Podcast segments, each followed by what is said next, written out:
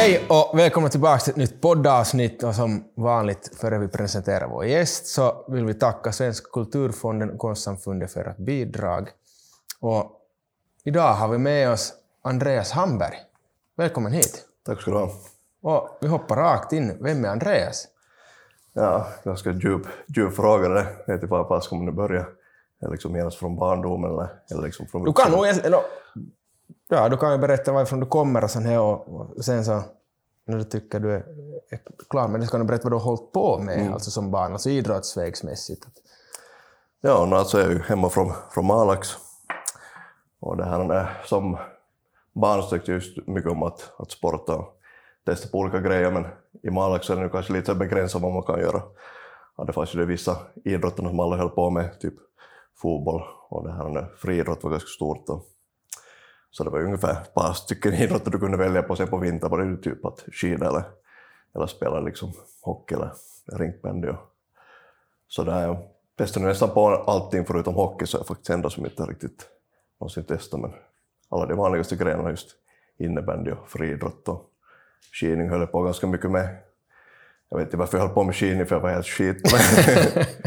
Att jag var nog absolut bäst på de här mer explosiva grejerna, just som det här med 100 metersloppen och, och sådana längdhopp och höjdhopp och sådana explosiva grejer. Men, men i den åldern skulle man kanske inte riktigt sådär äh, liksom, ta, sätta liksom, tråden ihop och liksom tänka okej, det här är en grej som jag är bra på, så det här borde jag kanske liksom fokusera på.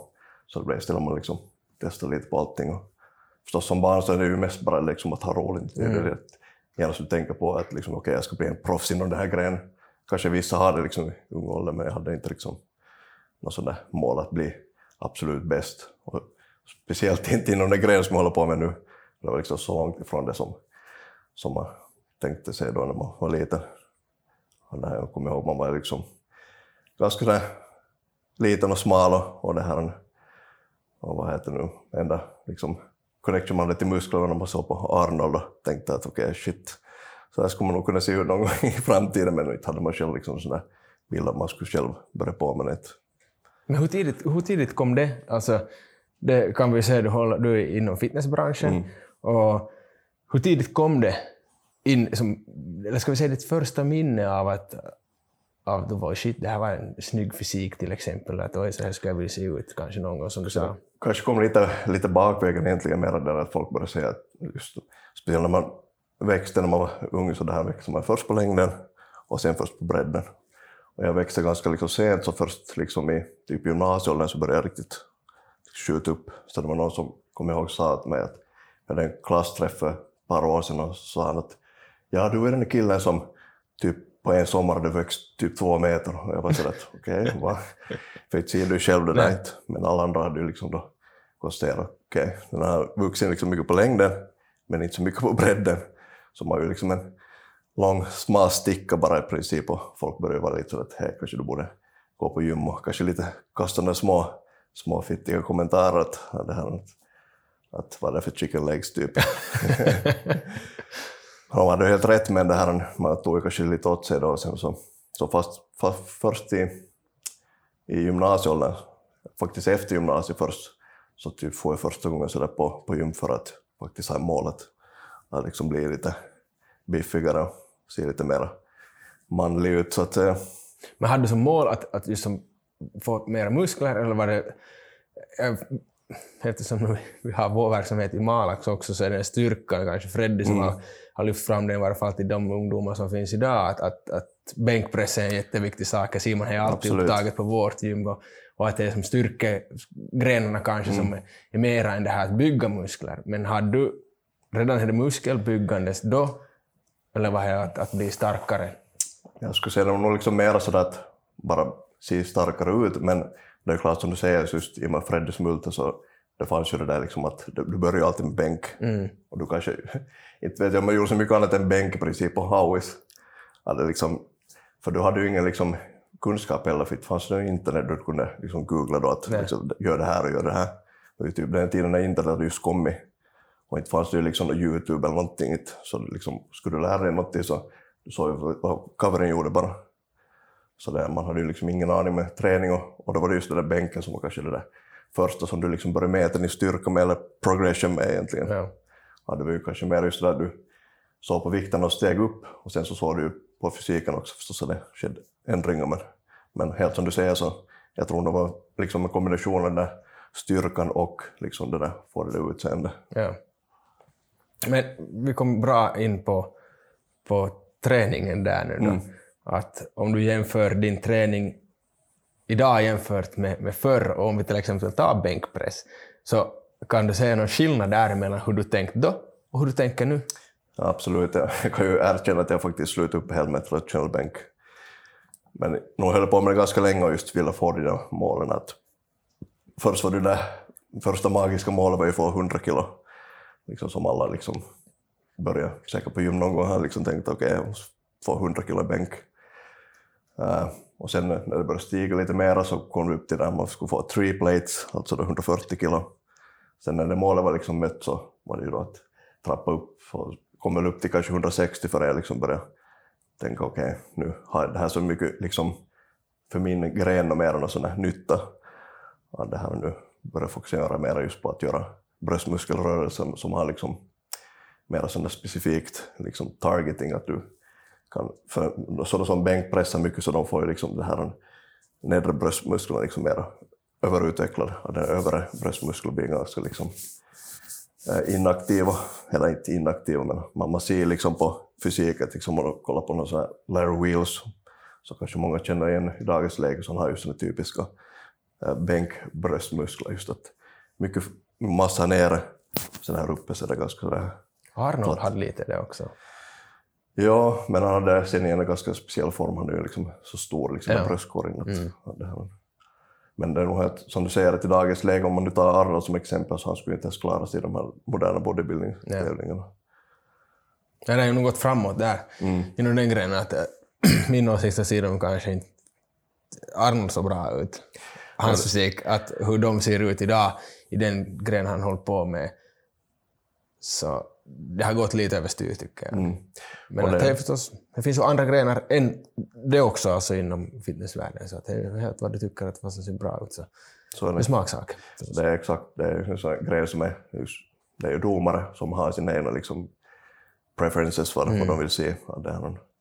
Men det är roligt att du tar Arnold som exempel, för vi pratade faktiskt här igår om att, att liksom, om du kollar på det här filmen där Arnold var som störst, typ Terminator 2, Mm.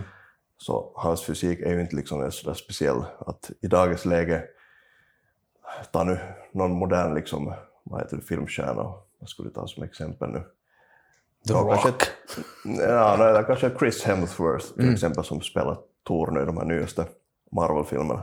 Så om du kollar på hans fysik och Arnolds fysik liksom i Terminator 2, så Thors fysik är ju liksom mycket bättre Ja. sådär objektivt sett. Så det är nog intressant det där hur liksom ditt vad heter, det, perspektiv ändras. Ja, och det går framåt. Det är som allting, allting går framåt det kommer mera, som sagt, i Mr Olympus finns ju flera olika grenar idag. Där finns ju classic fysik till exempel, som nu kanske ska lite som gå tillbaka till den här Arnolds, Arnolds tid då. Mm, och håller dessutom på att bli större än den här. Open-serien. Ja. ja. Så att det, det går framåt alltihop. Men att, eh, om vi går tillbaka till din träning, alltså hur ser, hur ser din träning ut? Du, du sa när du kom in genom dörren att det är off-season och här, du flåsar när du går i trapporna, att konditionen är inte den bästa. Jag flåsar också så inte har jag någon bättre kondition. Men, men att i dagsläget när det är off-season, så hur många gånger i veckan tränar du? Och det är ju intressant för att folk tror ju liksom att desto på högre nivå du kommer, desto me- mera gånger måste du träna. Men det är ju absolut inte så, utan det är ju mer där du ska träna liksom smart och inte liksom, det är liksom volymen. Eller okej, det är, till viss mån är det volymen, men det som är kanske viktigast är att du hinner återhämta dig från träningen också. Att om du hela tiden håller på att hamra de musklerna så de återhämtar sig och det är ju när de återhämtar sig som de växer. Så det där tror jag liksom många har fått om bakfoten också. Att, att liksom, jag har hört att folk tränar två gånger per dag. Och det, liksom, det är, Det finns ingen nytta i det. nej, fast hur mycket liksom, tillskott och med mat och vad du kör så det här två gånger i dagen, det är liksom för mycket. Det, Ja. Vi är ändå bara människor. Det finns en liksom, gräns på vad människor klarar av oberoende liksom, allt annat. Så jag brukar, liksom, jag brukar hålla till ungefär fem till sex gånger. man till och med kan gå ner till fyra gånger om man känner liksom att, att kroppen liksom inte återhämtar sig. Så det här, jag skulle säga året om så ser träningen ganska samma ut. Det är egentligen bara den här som vi snackade här tidigare, det här att, att det är egentligen den här träningen hålls liksom konsistent och sen är liksom den här, vad heter nu, maten som du liksom då leker med på. Ja. Ja. Men att du kör inte heller off-season så kör du lite lägre reps för att kanske bygga lite mer och sen när du kommer närmare tävling så går du upp i högre, högre reps. Det gör väl, det gör väl ganska många kanske inom han det. Jag skulle säga att försöka hålla rep range ganska samma beroende på muskelgruppen. Men det som ändå kommer att variera lite är det här med styrka förstås, för mm. när du går ner i vikt så har du mindre massa också att liksom lyfta med. Så där då kommer ju liksom träningsvikten att sjunka, men det man försöker göra, man försöker helt enkelt hålla så länge som det går samma vikter. Och liksom i princip säger musklerna att hey, du måste ändå finnas kvar här trots att jag går ner i vikt. Och det är på det sättet då som du, du liksom kommer i liksom tävlingsskick. Mm. Men vad ligger dina reps på, sådär överlag? No, det beror så mycket på muskelgrupper och sen brukar jag också vilja variera lite, att man inte liksom har ett fast liksom, antal reps för ja, kroppen adapterar också. Mm. Så det här, ibland vill man, som Arnold sa, shock the muscle. Ja, det här försöka få lite variation och, och det som jag det här är också jätteindividuellt, men det som jag har märkt fungerar bäst för mig just för små muskelgrupper, så ganska höga reps, mellan liksom 12 och till och med 20. Och sen då för större muskelgrupper så kan jag gå ner till, no, jag går nu aldrig under 6 i alla fall, men liksom 6 till 12. Det är det som man brukar rekommendera för den här hypertrophy, alltså mm. liksom muskeltillväxt. Men det där är också lite, mycket research säger att det inte har sist slutningen så stor skillnad. Att det här man kan liksom överskrida det, eller underskrida det 6-12 med ändå ganska mycket förrän det liksom faktiskt börjar liksom ja. bli negativt. Ja. Men hur är det då, alltså, det, många i din, din bransch så har ju kanske coacher runt om sig. Mm. Tränare och, av olika slag. Ja. Kanske det. Har du några coacher? Ja, jag har Tuomas Takalo som har coachat mig nu egentligen hela min fitnesskarriär. Ända från början då, från det här. Ja, när jag började för typ fem år sedan. Så vi har hållit på samarbete nu i fem år. Du har bara hållit på i fem år med... med... Ja, jag började ganska sent. Det här. Jag tror jag var 35 när jag tävlade första gången faktiskt. Okay. Så jag kom in lite, lite sent. Det här är en gren som i princip domineras av yngre. Ja, det, här, det är inte så många som börjar liksom i sen ålder och liksom stiger upp liksom på hög nivå. Utan, ja, så det här. Men man har ju en viss bakgrund som vi snackade tidigare, så det här håller på med en massa olika grenar. Och just före den här fitnesskarriären så höll jag på med crossfit mycket och, och fick där kanske liksom den gnistan för för att tävla. Då hade jag faktiskt målet att jag skulle slippa med just i någon sån där Crossfit Games. Men eh, jag insåg ju ganska snabbt att det är liksom orealistiskt för när jag började med Crossfit någon gång. Ja, det var också typ just kanske före jag fyllde 30 någonting, så jag var ändå där också. Ja, men du har ändå hållit på, då, cirka sex år håller du på med crossfit före du gick över sen du helt och hållet i... Uh, du sa du tävlade vid 35 första gången. Ja, men, kanske jag kommer ihåg lite fel, för jag höll på med crossfit så länge, kanske då två, två tre år ja. högst. Men det här, det här märkte man också ganska snabbt att det är något som du borde börja på med när liksom du var liksom helt så här stor. Mm. Och sen liksom, de som är liksom på toppnivå så börjar ju förstås unga. Och vi har ju, vi har ju Finland ett par olika liksom, atleter som har sluppit upp till riktigt hög nivå, men de har just hållit på sen de var små, kanske direkt med crossfit, men med grenar som liksom äh, hjälper den där crossfitten ja. mycket. Det var som jag sa här, att Kajsa Ojala som intervjuades håller på med gymnastik till exempel. Mm, det är en bra grund till crossfiten. Sen. Men, men äh, den här coachen din, då, sköter han allt? Kost, träning, återhämtning? Eller har du, någon, har du någon annan där som ännu no, vi har en mental coach eller något liknande? Uh, nej, alltså vi, vi har nog ganska tajt samarbete med Tuomas och det här. Vi har hållit på så länge tillsammans nu så vi, vi börjar liksom ha en ganska bra liksom, mall som vi kan lite experimentera med.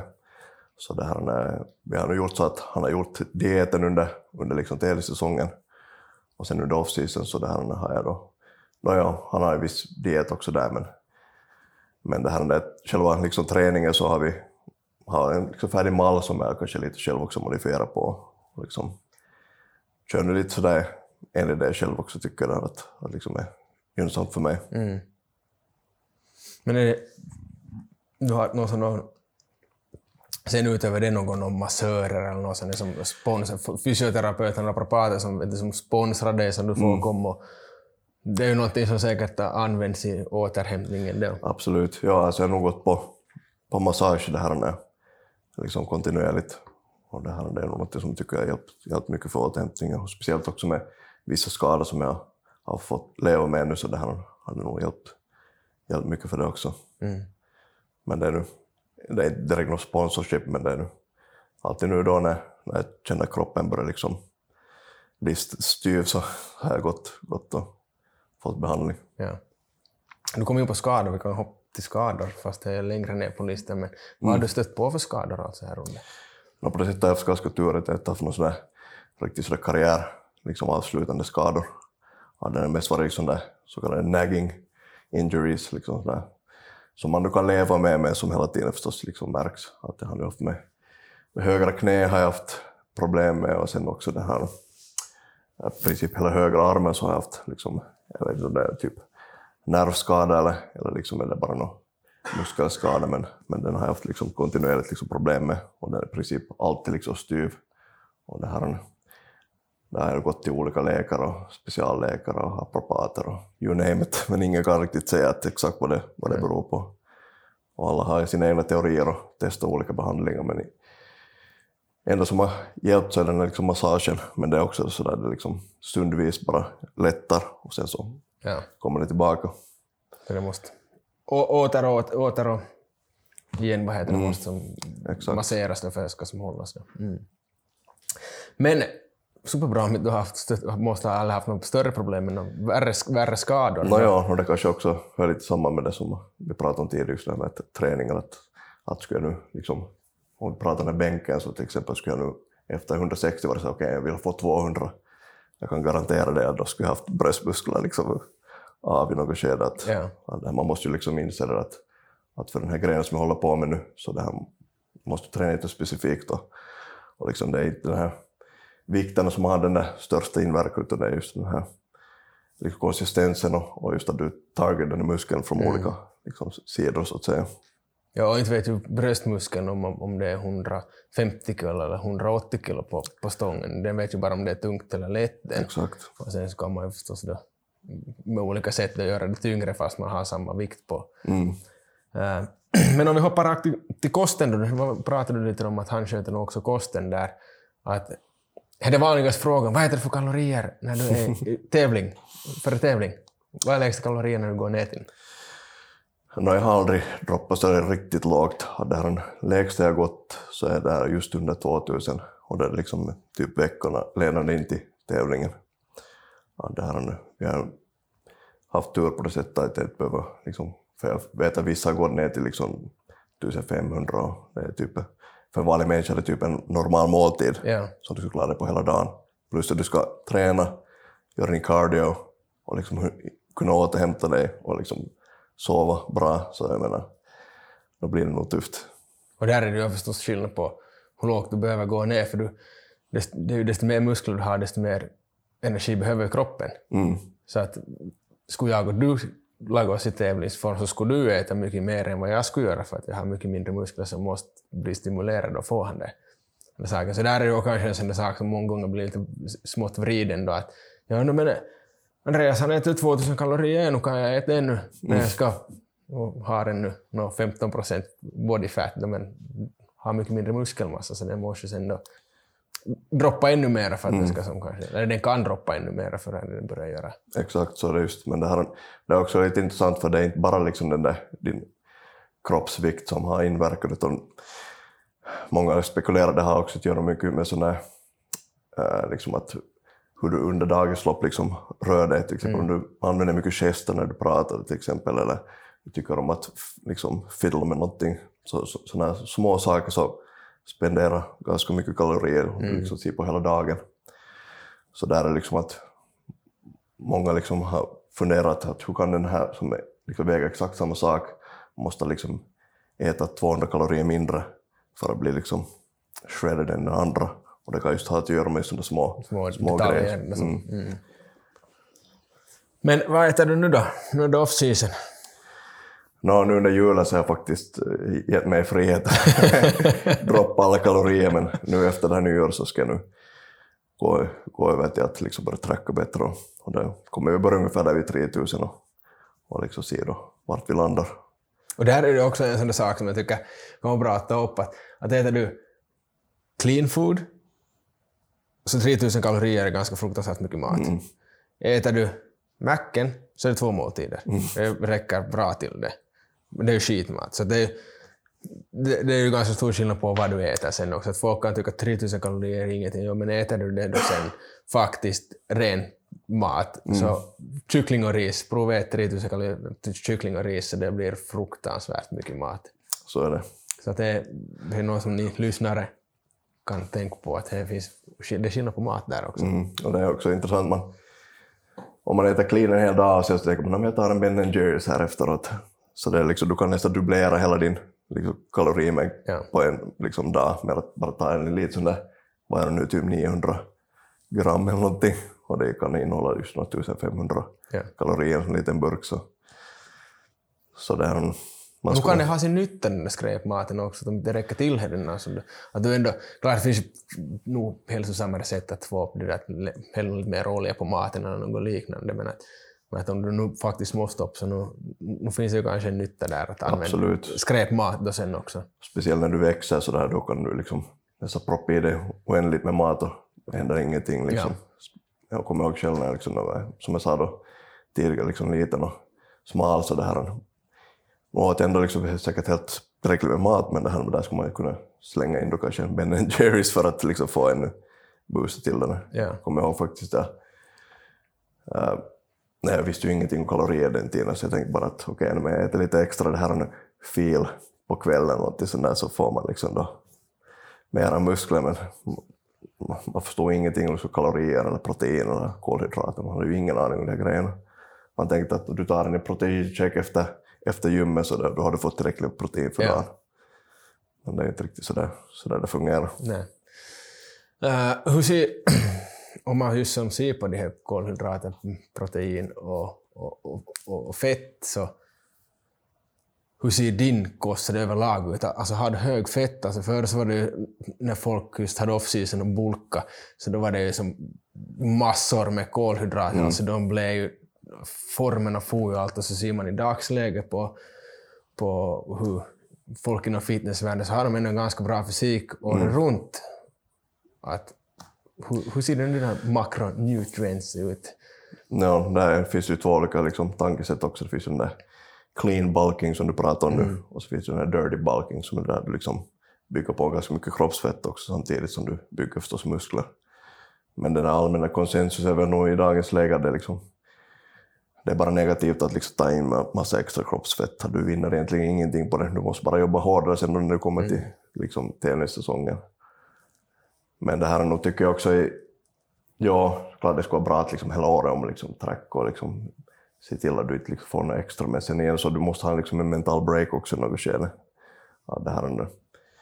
Jag minns just när jag hade den senaste tennissäsongen så den höll på från, vad heter nu, maj till liksom, till var det typ slut av, av vad heter november. Så där i slutet av november så liksom att du bryr dig dig om något annat än att så länge jag nu liksom efter den här tävlingen får mat så allt annat får liksom skita sig i livet. jag måste få den här maten nu. Och det blir ju tungt desto längre man måste hålla en någorlunda form, eller hålla en tävlingsform fall, så nu blir det ju ett otroligt mentalt mm, spel, men att, att det- man ska nog vara mentalt stark. Och, och där har ju kanske också den här fitnessvärlden blivit kanske lite smutskastad också för att många tror att de ska hålla sig i tävlingsform och det har ju kanske också det här sociala, alla som på sociala medier också kanske påverkar det här att hålla en, en låg fettprocent året runt så är ju inte hälsosamt. Inte. Att, det är ju någonting som tävlar du tävlar du så då hålls du där en liten stund och sen mm. ska du upp tillbaka till normalt. Så ska vi säga då att, att det är ju inte något som man går runt året runt med Nej. och har 3 procent body fat. Att det, du kan bli riktigt, riktigt sjuk och det har kanske hänt mycket med, i alla fall flickor, att det mm. kommer anorexi och, och sådana saker som, som börjar synas inom sporten som, som inte kanske... Så det är ju mycket mental grej. No. Att du ska,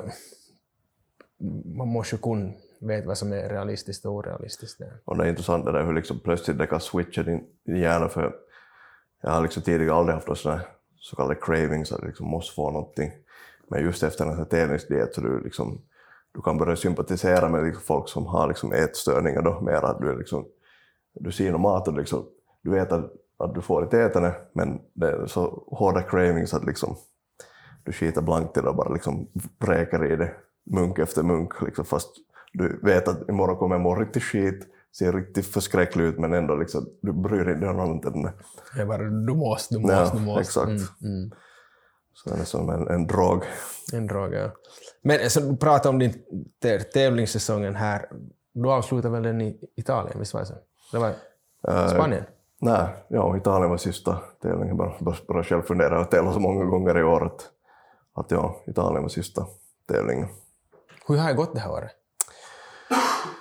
Uh, no, det var ju första året jag nu tävlade i en helt ny organisation så man i princip måste börja lite från, från scratch där. Att, att det tog en tid att kanske lite sådär eh, komma in i det.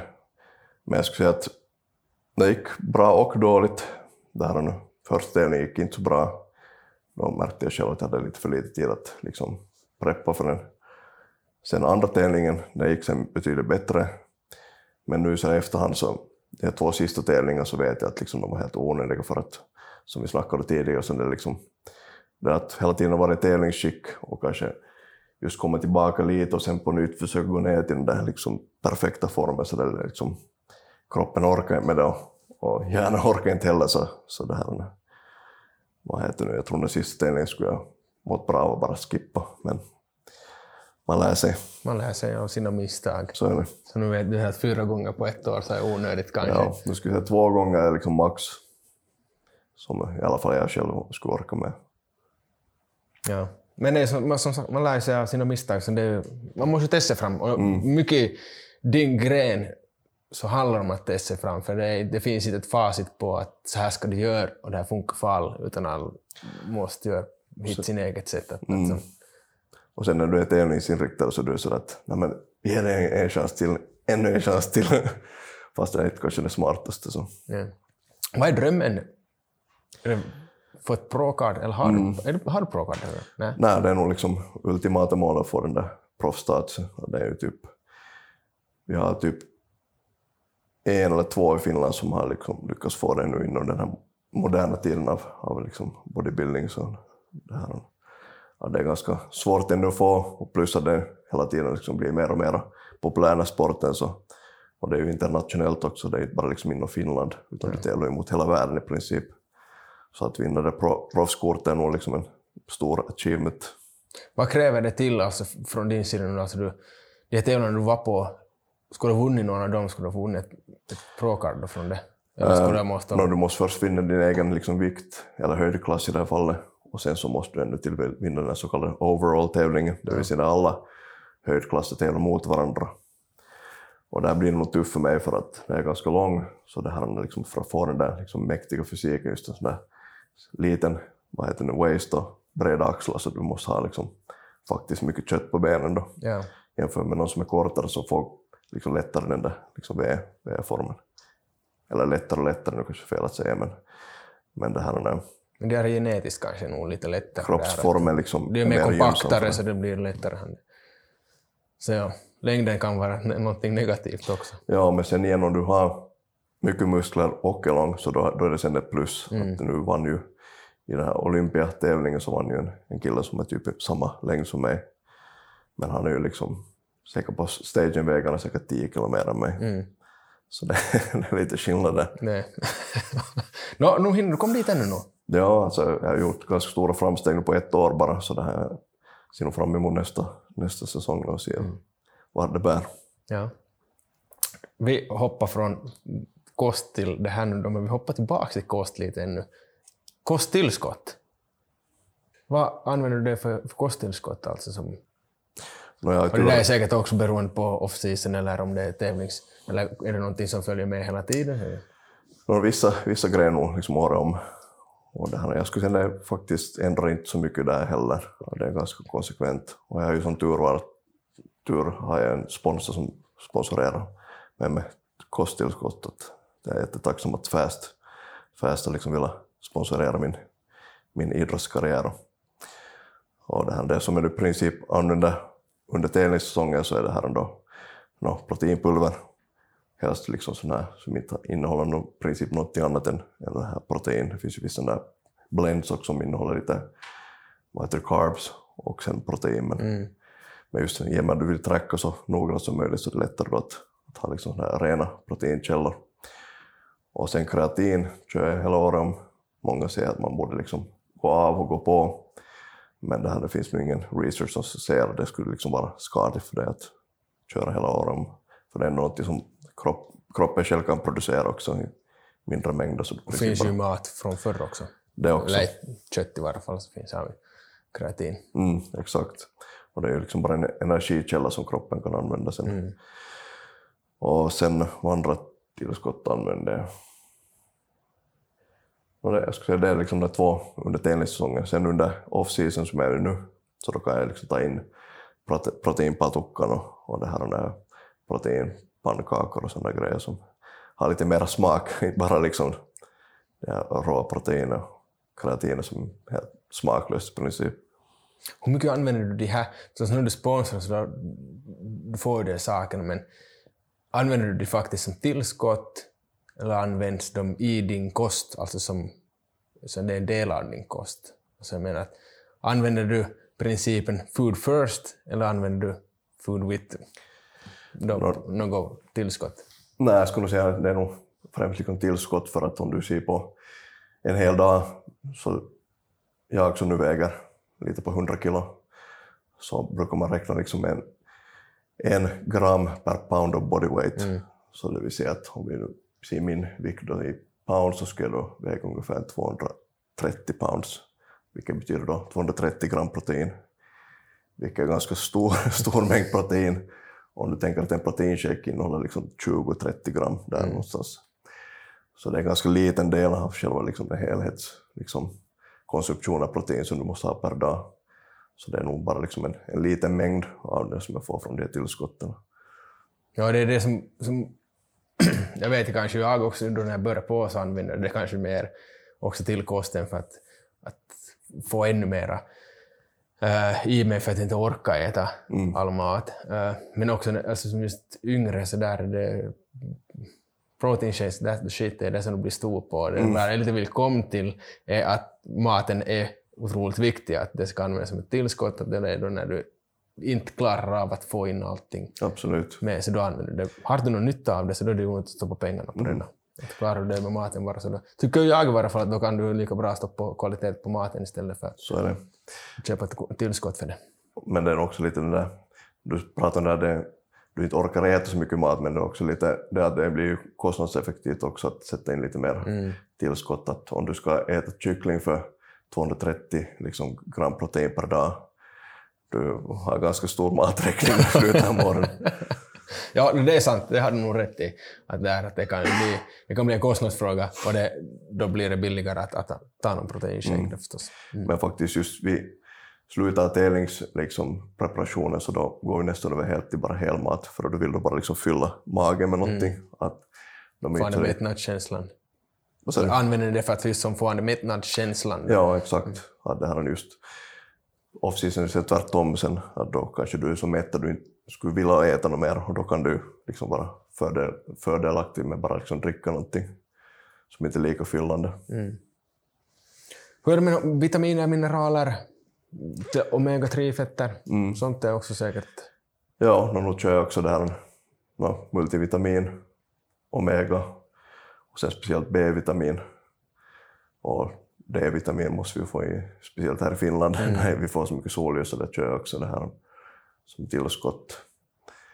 Och uh, sen stundvis har jag också provat på den här ashwagandha som är en sån där ört som borde liksom sänka stressnivån. Så det brukar jag köra just inför, inför tävlingen när kroppen liksom under mest.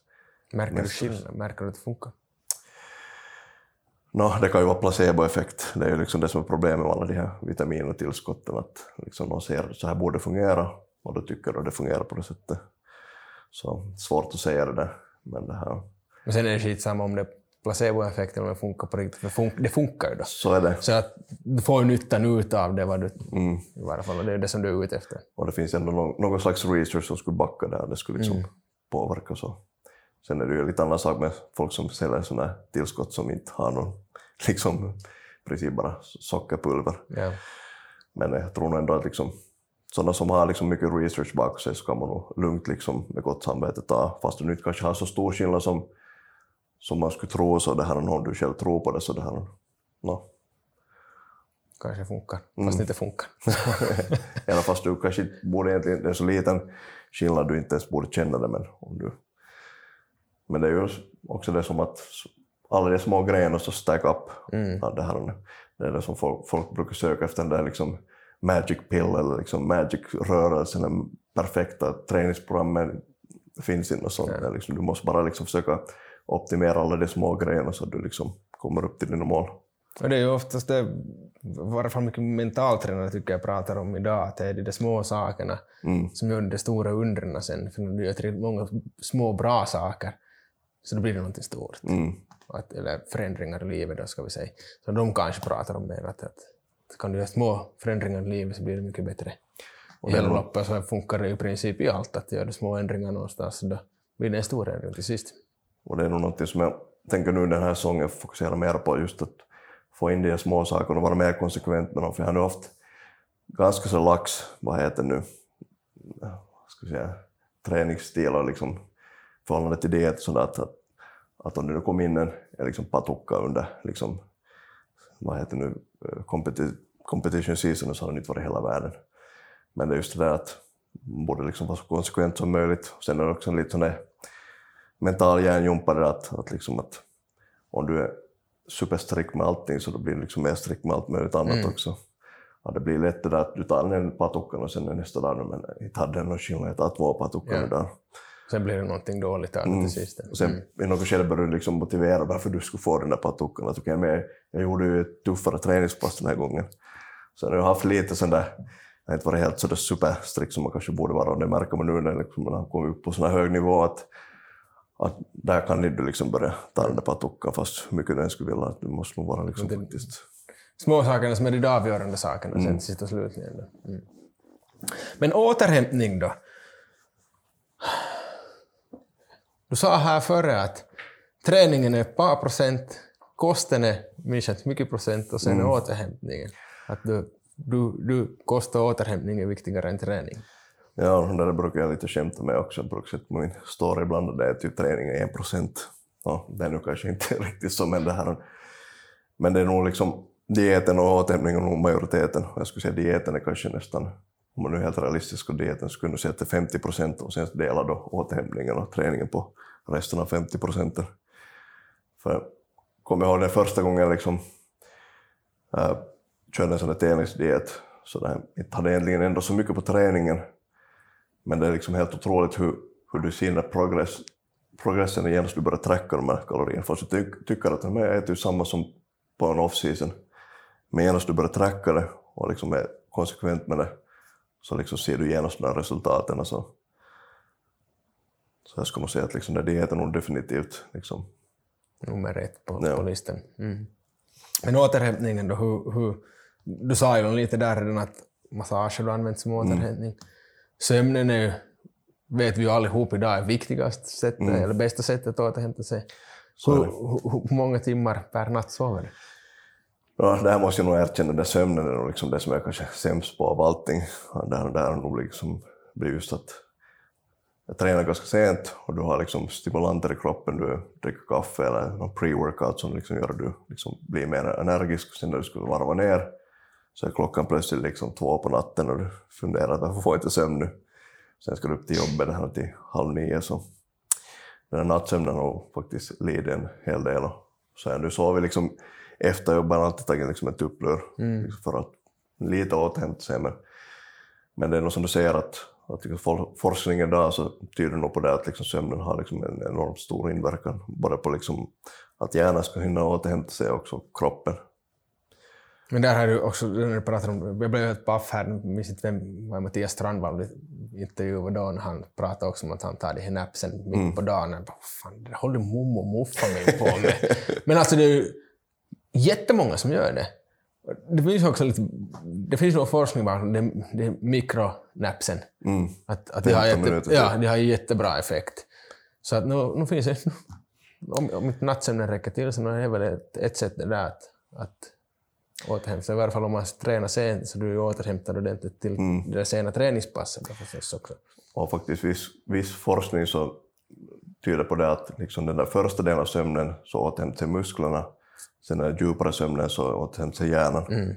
Så om man ser från, från min synvinkel så är det kanske liksom det där, Han är första sömnen som är viktig. blir dummare och dummare dummare men större och större och större så kanske börjar uppfylla den där gamla stereotypin att ja, alla bodybuilders är bara dumma. ja, du bara sover korta stunder hela tiden. Huvud far till skräp. Nej, men, men är det finns det något annat som du lägger fokus på? Att klart, träning är förstås också, kan ju också vara återhämtnings... Man kan ju träna för återhämtningssyfte, men sen också kosten är ju en stor del till återhämtningen. Och, och sömnen och just muskel, då att få massera sig. Men finns det något annat som du har testat eller gör Ja. riktigt? Jag måste säga att tiden kanske inte räcker till mycket annat än att typ laga mat, vara på jobbet, träna, sova. Det är liksom, ja, kan man spela lite videospel där när man inte hinner men det finns faktiskt inte så mycket timmar i, dygnet, det skulle finnas så mycket liksom annat man skulle kunna fokusera på. Det är klart, just som du sa, den här massagen så är en del av återhämtningen och, faktiskt också liksom träningen, det är lite sådär terapeutiskt också. Och jag tror många som tränar så som tränar liksom konsekvent så det har blivit liksom en sån där att du måste få träna och du får liksom, no, jag skulle säga att liksom många som vill börja med bodybuilding så tänker okej, hej jag får få på gym, det blir helt skitkul det här. Men den här gymman det är ju bara så liten del, det är typ en timme, max två av dagen. Resten liksom är då dietande och återhämtande så det är ju. Men ja, som tillbaks till, till grejen så där, jag tycker liksom att träningen nog kan räknas som en del av liksom sådär mental terapi också. Att, Uh, sponsorer, skador har vi haft. Sen är du som jätteaktiv på sociala medier. Du har ju marknadsföring för dig själv. Det. Mm. Ja, det här och det. Och det är lite dagens melodi det också att, att liksom bodybuilders i gamla generationen så de hade typ kanske en photoshoot och that's it liksom per år. Och det var liksom alltid som räcktes för att de skulle få liksom sponsorer eller liksom få, få sin lön. Ja, det här, men i dagens läge så inte, inte finns det liksom tidningar och sådana som betalar för att Nej. du ska få några bilder tagna på det. Så det, det är liksom, I dagens läge så är nog det sociala medier, om du ska liksom få sponsorer och klara dig i den här branschen så då måste man vara ute där. Ja, det, är ju som du säger dagens melodi, att det är nästan varenda en som håller på i den här branschen så har ju ett YouTube-channel eller är akt, jätteaktiva som på, på, på Instagram och postar en massa därifrån. Så det är nog, och det är ju på det sättet det är en bra marknadsföringsplattform, Mm. de här sakerna, för att det, det kostar inte på det sättet någonting. Inte att, att få in i ett, la någon annons in i Vasabladet till exempel, var du skriver om dig själv så du blir väl ruinerad på att, att lägga en artikel dit Exakt. jämfört med att göra det på de sociala medierna. Men faktiskt, man märker nog att det är mycket liksom unga tjejer i dagens läge som fokuserar på det där. Men faktiskt killar så är det ganska lite med ännu. I alla fall inom Finland så det här. Vi har inte så riktigt många som är liksom tävlar och är jätteaktiva på, på det här på Instagram. Att jag kommer ihåg att det var för I Can Will och Vitamin Well hade vi en sån här teamdag där liksom alla såna influencers kom och skulle göra en sån här workout tillsammans. Och där var det typ något 20, 20 plus tjejer. Jag var enda killen där. så det här, där finns nog ett, liksom, för det unga killar så, så där, där är det nog, Får börja på med det nu då. Nikos fitness journey. ja. Ja. Nej, det blir nog inte bra. Det är bättre att hålla sig här då istället. Ja, och inte, och inte bara unga, jag menar, jag är ju själv fyllt just 40 så jag menar, ja, det är lite, lite konstigt att det enda som är liksom aktiv inom liksom sociala medier många, många unga säkert så redan tycker jag är en gammal gubbe. Men det är intressant det där att, att, att det är så lite, för det är ju ändå en stor del kan jag tänka av, av sponsoreringarna eller sponsorerna så kräver att det ska göras inlägg via då de sociala kanalerna. Att, att det är så pass lite då. Att det, är, är, det dåligt med sponsorer? Eller folk har svårt att få de sponsorerna? Eller varför är det, vad tror du att det är orsaken till det? jag tror nog det bara liksom är en sån där grej att liksom killar kanske på samma sätt vill vara öppna och liksom dela med sig. Och, och nu vet jag själv också det att liksom många tjejer liksom sätter kameran på och filmar och pratar liksom sin dag. Det är kanske inte riktigt det som jag fokuserar på utan mer- liksom dela med mig av min träning och, och liksom min kost och, och lite vardagliga grejer runt omkring det. Men, men jag tror det är liksom mer det där att ja, det är inte så många killar ännu som är liksom bekväma med det där att liksom dela med sig och liksom öppna sig själv till omvärlden. Och sen då kanske också lite det att jag tycker ju själv liksom att, att varför ska jag sätta det här på Instagram, inte bry sig om, om det här inte. Men sen det här, säkert finns många som skulle ha liksom jättemycket nytta av den informationen. Och så, och jag tänker också kanske just främst på diet, sådana grejer som är helt självklara för mig, träningar som är helt självklara för mig. Inte det självklara för alla. Nej. Så om man tänker tillbaka till sin egen ungdom så man hade ju ingen att liksom, titta på. Du hade ju inga förebilder eller liksom, information. Att om de skulle den tiden då dela med sig de bilderna som jag nu filmar i dagens läge så jag skulle fått jättemycket ut av det. Så man måste kanske lite tänka tillbaka på det sättet också. Att, att sånt som är självklart för dig så är Kanske så ja. Men sponsorer har vi pratat ju lite där om redan, men vem alla Fast har du som sponsor? I Ja. can I will. Yes, klädmärke Icon Will och sen har jag också det här en M-room, alltså den här, vad heter det, frisörs för, för män då. Det är lite coolt tycker jag. Att bli sponsrad av, något sånt. No, nej, nej, jag vet inte, faktiskt känner inte så många som är sponsrade av M-room. Och det är just det, liksom när du blir sponsrad av en så bollen börjar rulla. Ja. Där folk kanske ser en post från någon, liksom någon träning och sen så de jag, men den här killen skulle vara bra för det här också. Och sen har jag jobbat en del som modell också så då får mig liksom också lite ansikte ut. Men sen också, du måste själv vara liksom aktiv. Att, att jag tror Emrum gick väl på det sättet att min, min dåvarande frisör sa att hej, att, att du skulle passa bra som en liksom, modell för oss. Att, att skicka till den här vår marknadsföringschef att du skulle vara intresserad. Så att jag bara liksom fritt formulerat mejl och, och sen kom det tillbaka att ja, ja, varför inte?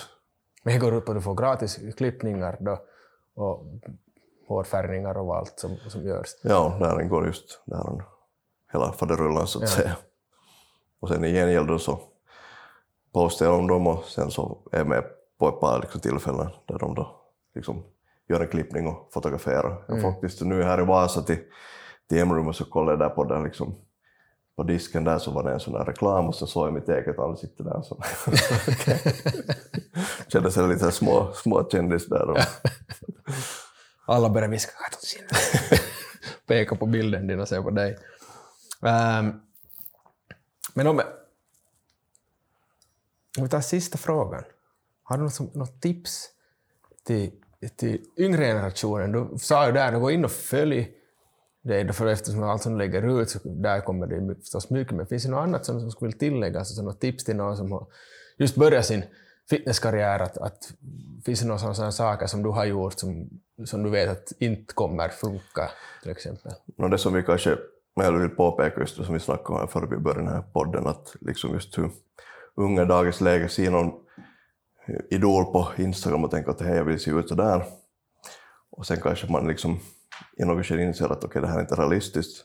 Men man måste också inse att, liksom, att du kan alltid förbättra på dig själv. Att du har liksom det du är född med som du kan sen förbättra trots att du kanske inte slipper upp till Arnold-nivån då. Så där, det finns alltid liksom någonting du kan göra för att förbättra på dig själv. Så jag tror det är någonting som vi kanske borde lägga mer fokus på i, i dagens läge för att alla fitnessinfluencers postar bara sina bästa bilder och när de är i bäst skick. Det är någon som postar där när de är off-season och håller på att äta lite munkar. Inte.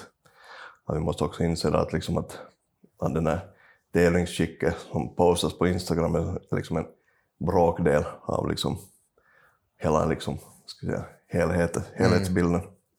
Så det är kanske många får en så orealistisk bild av vad, man kan uppnå. Och till och med, jag brukar säga att om du tittar på mina bilder på Instagram så inte ser jag ut sådär hela tiden.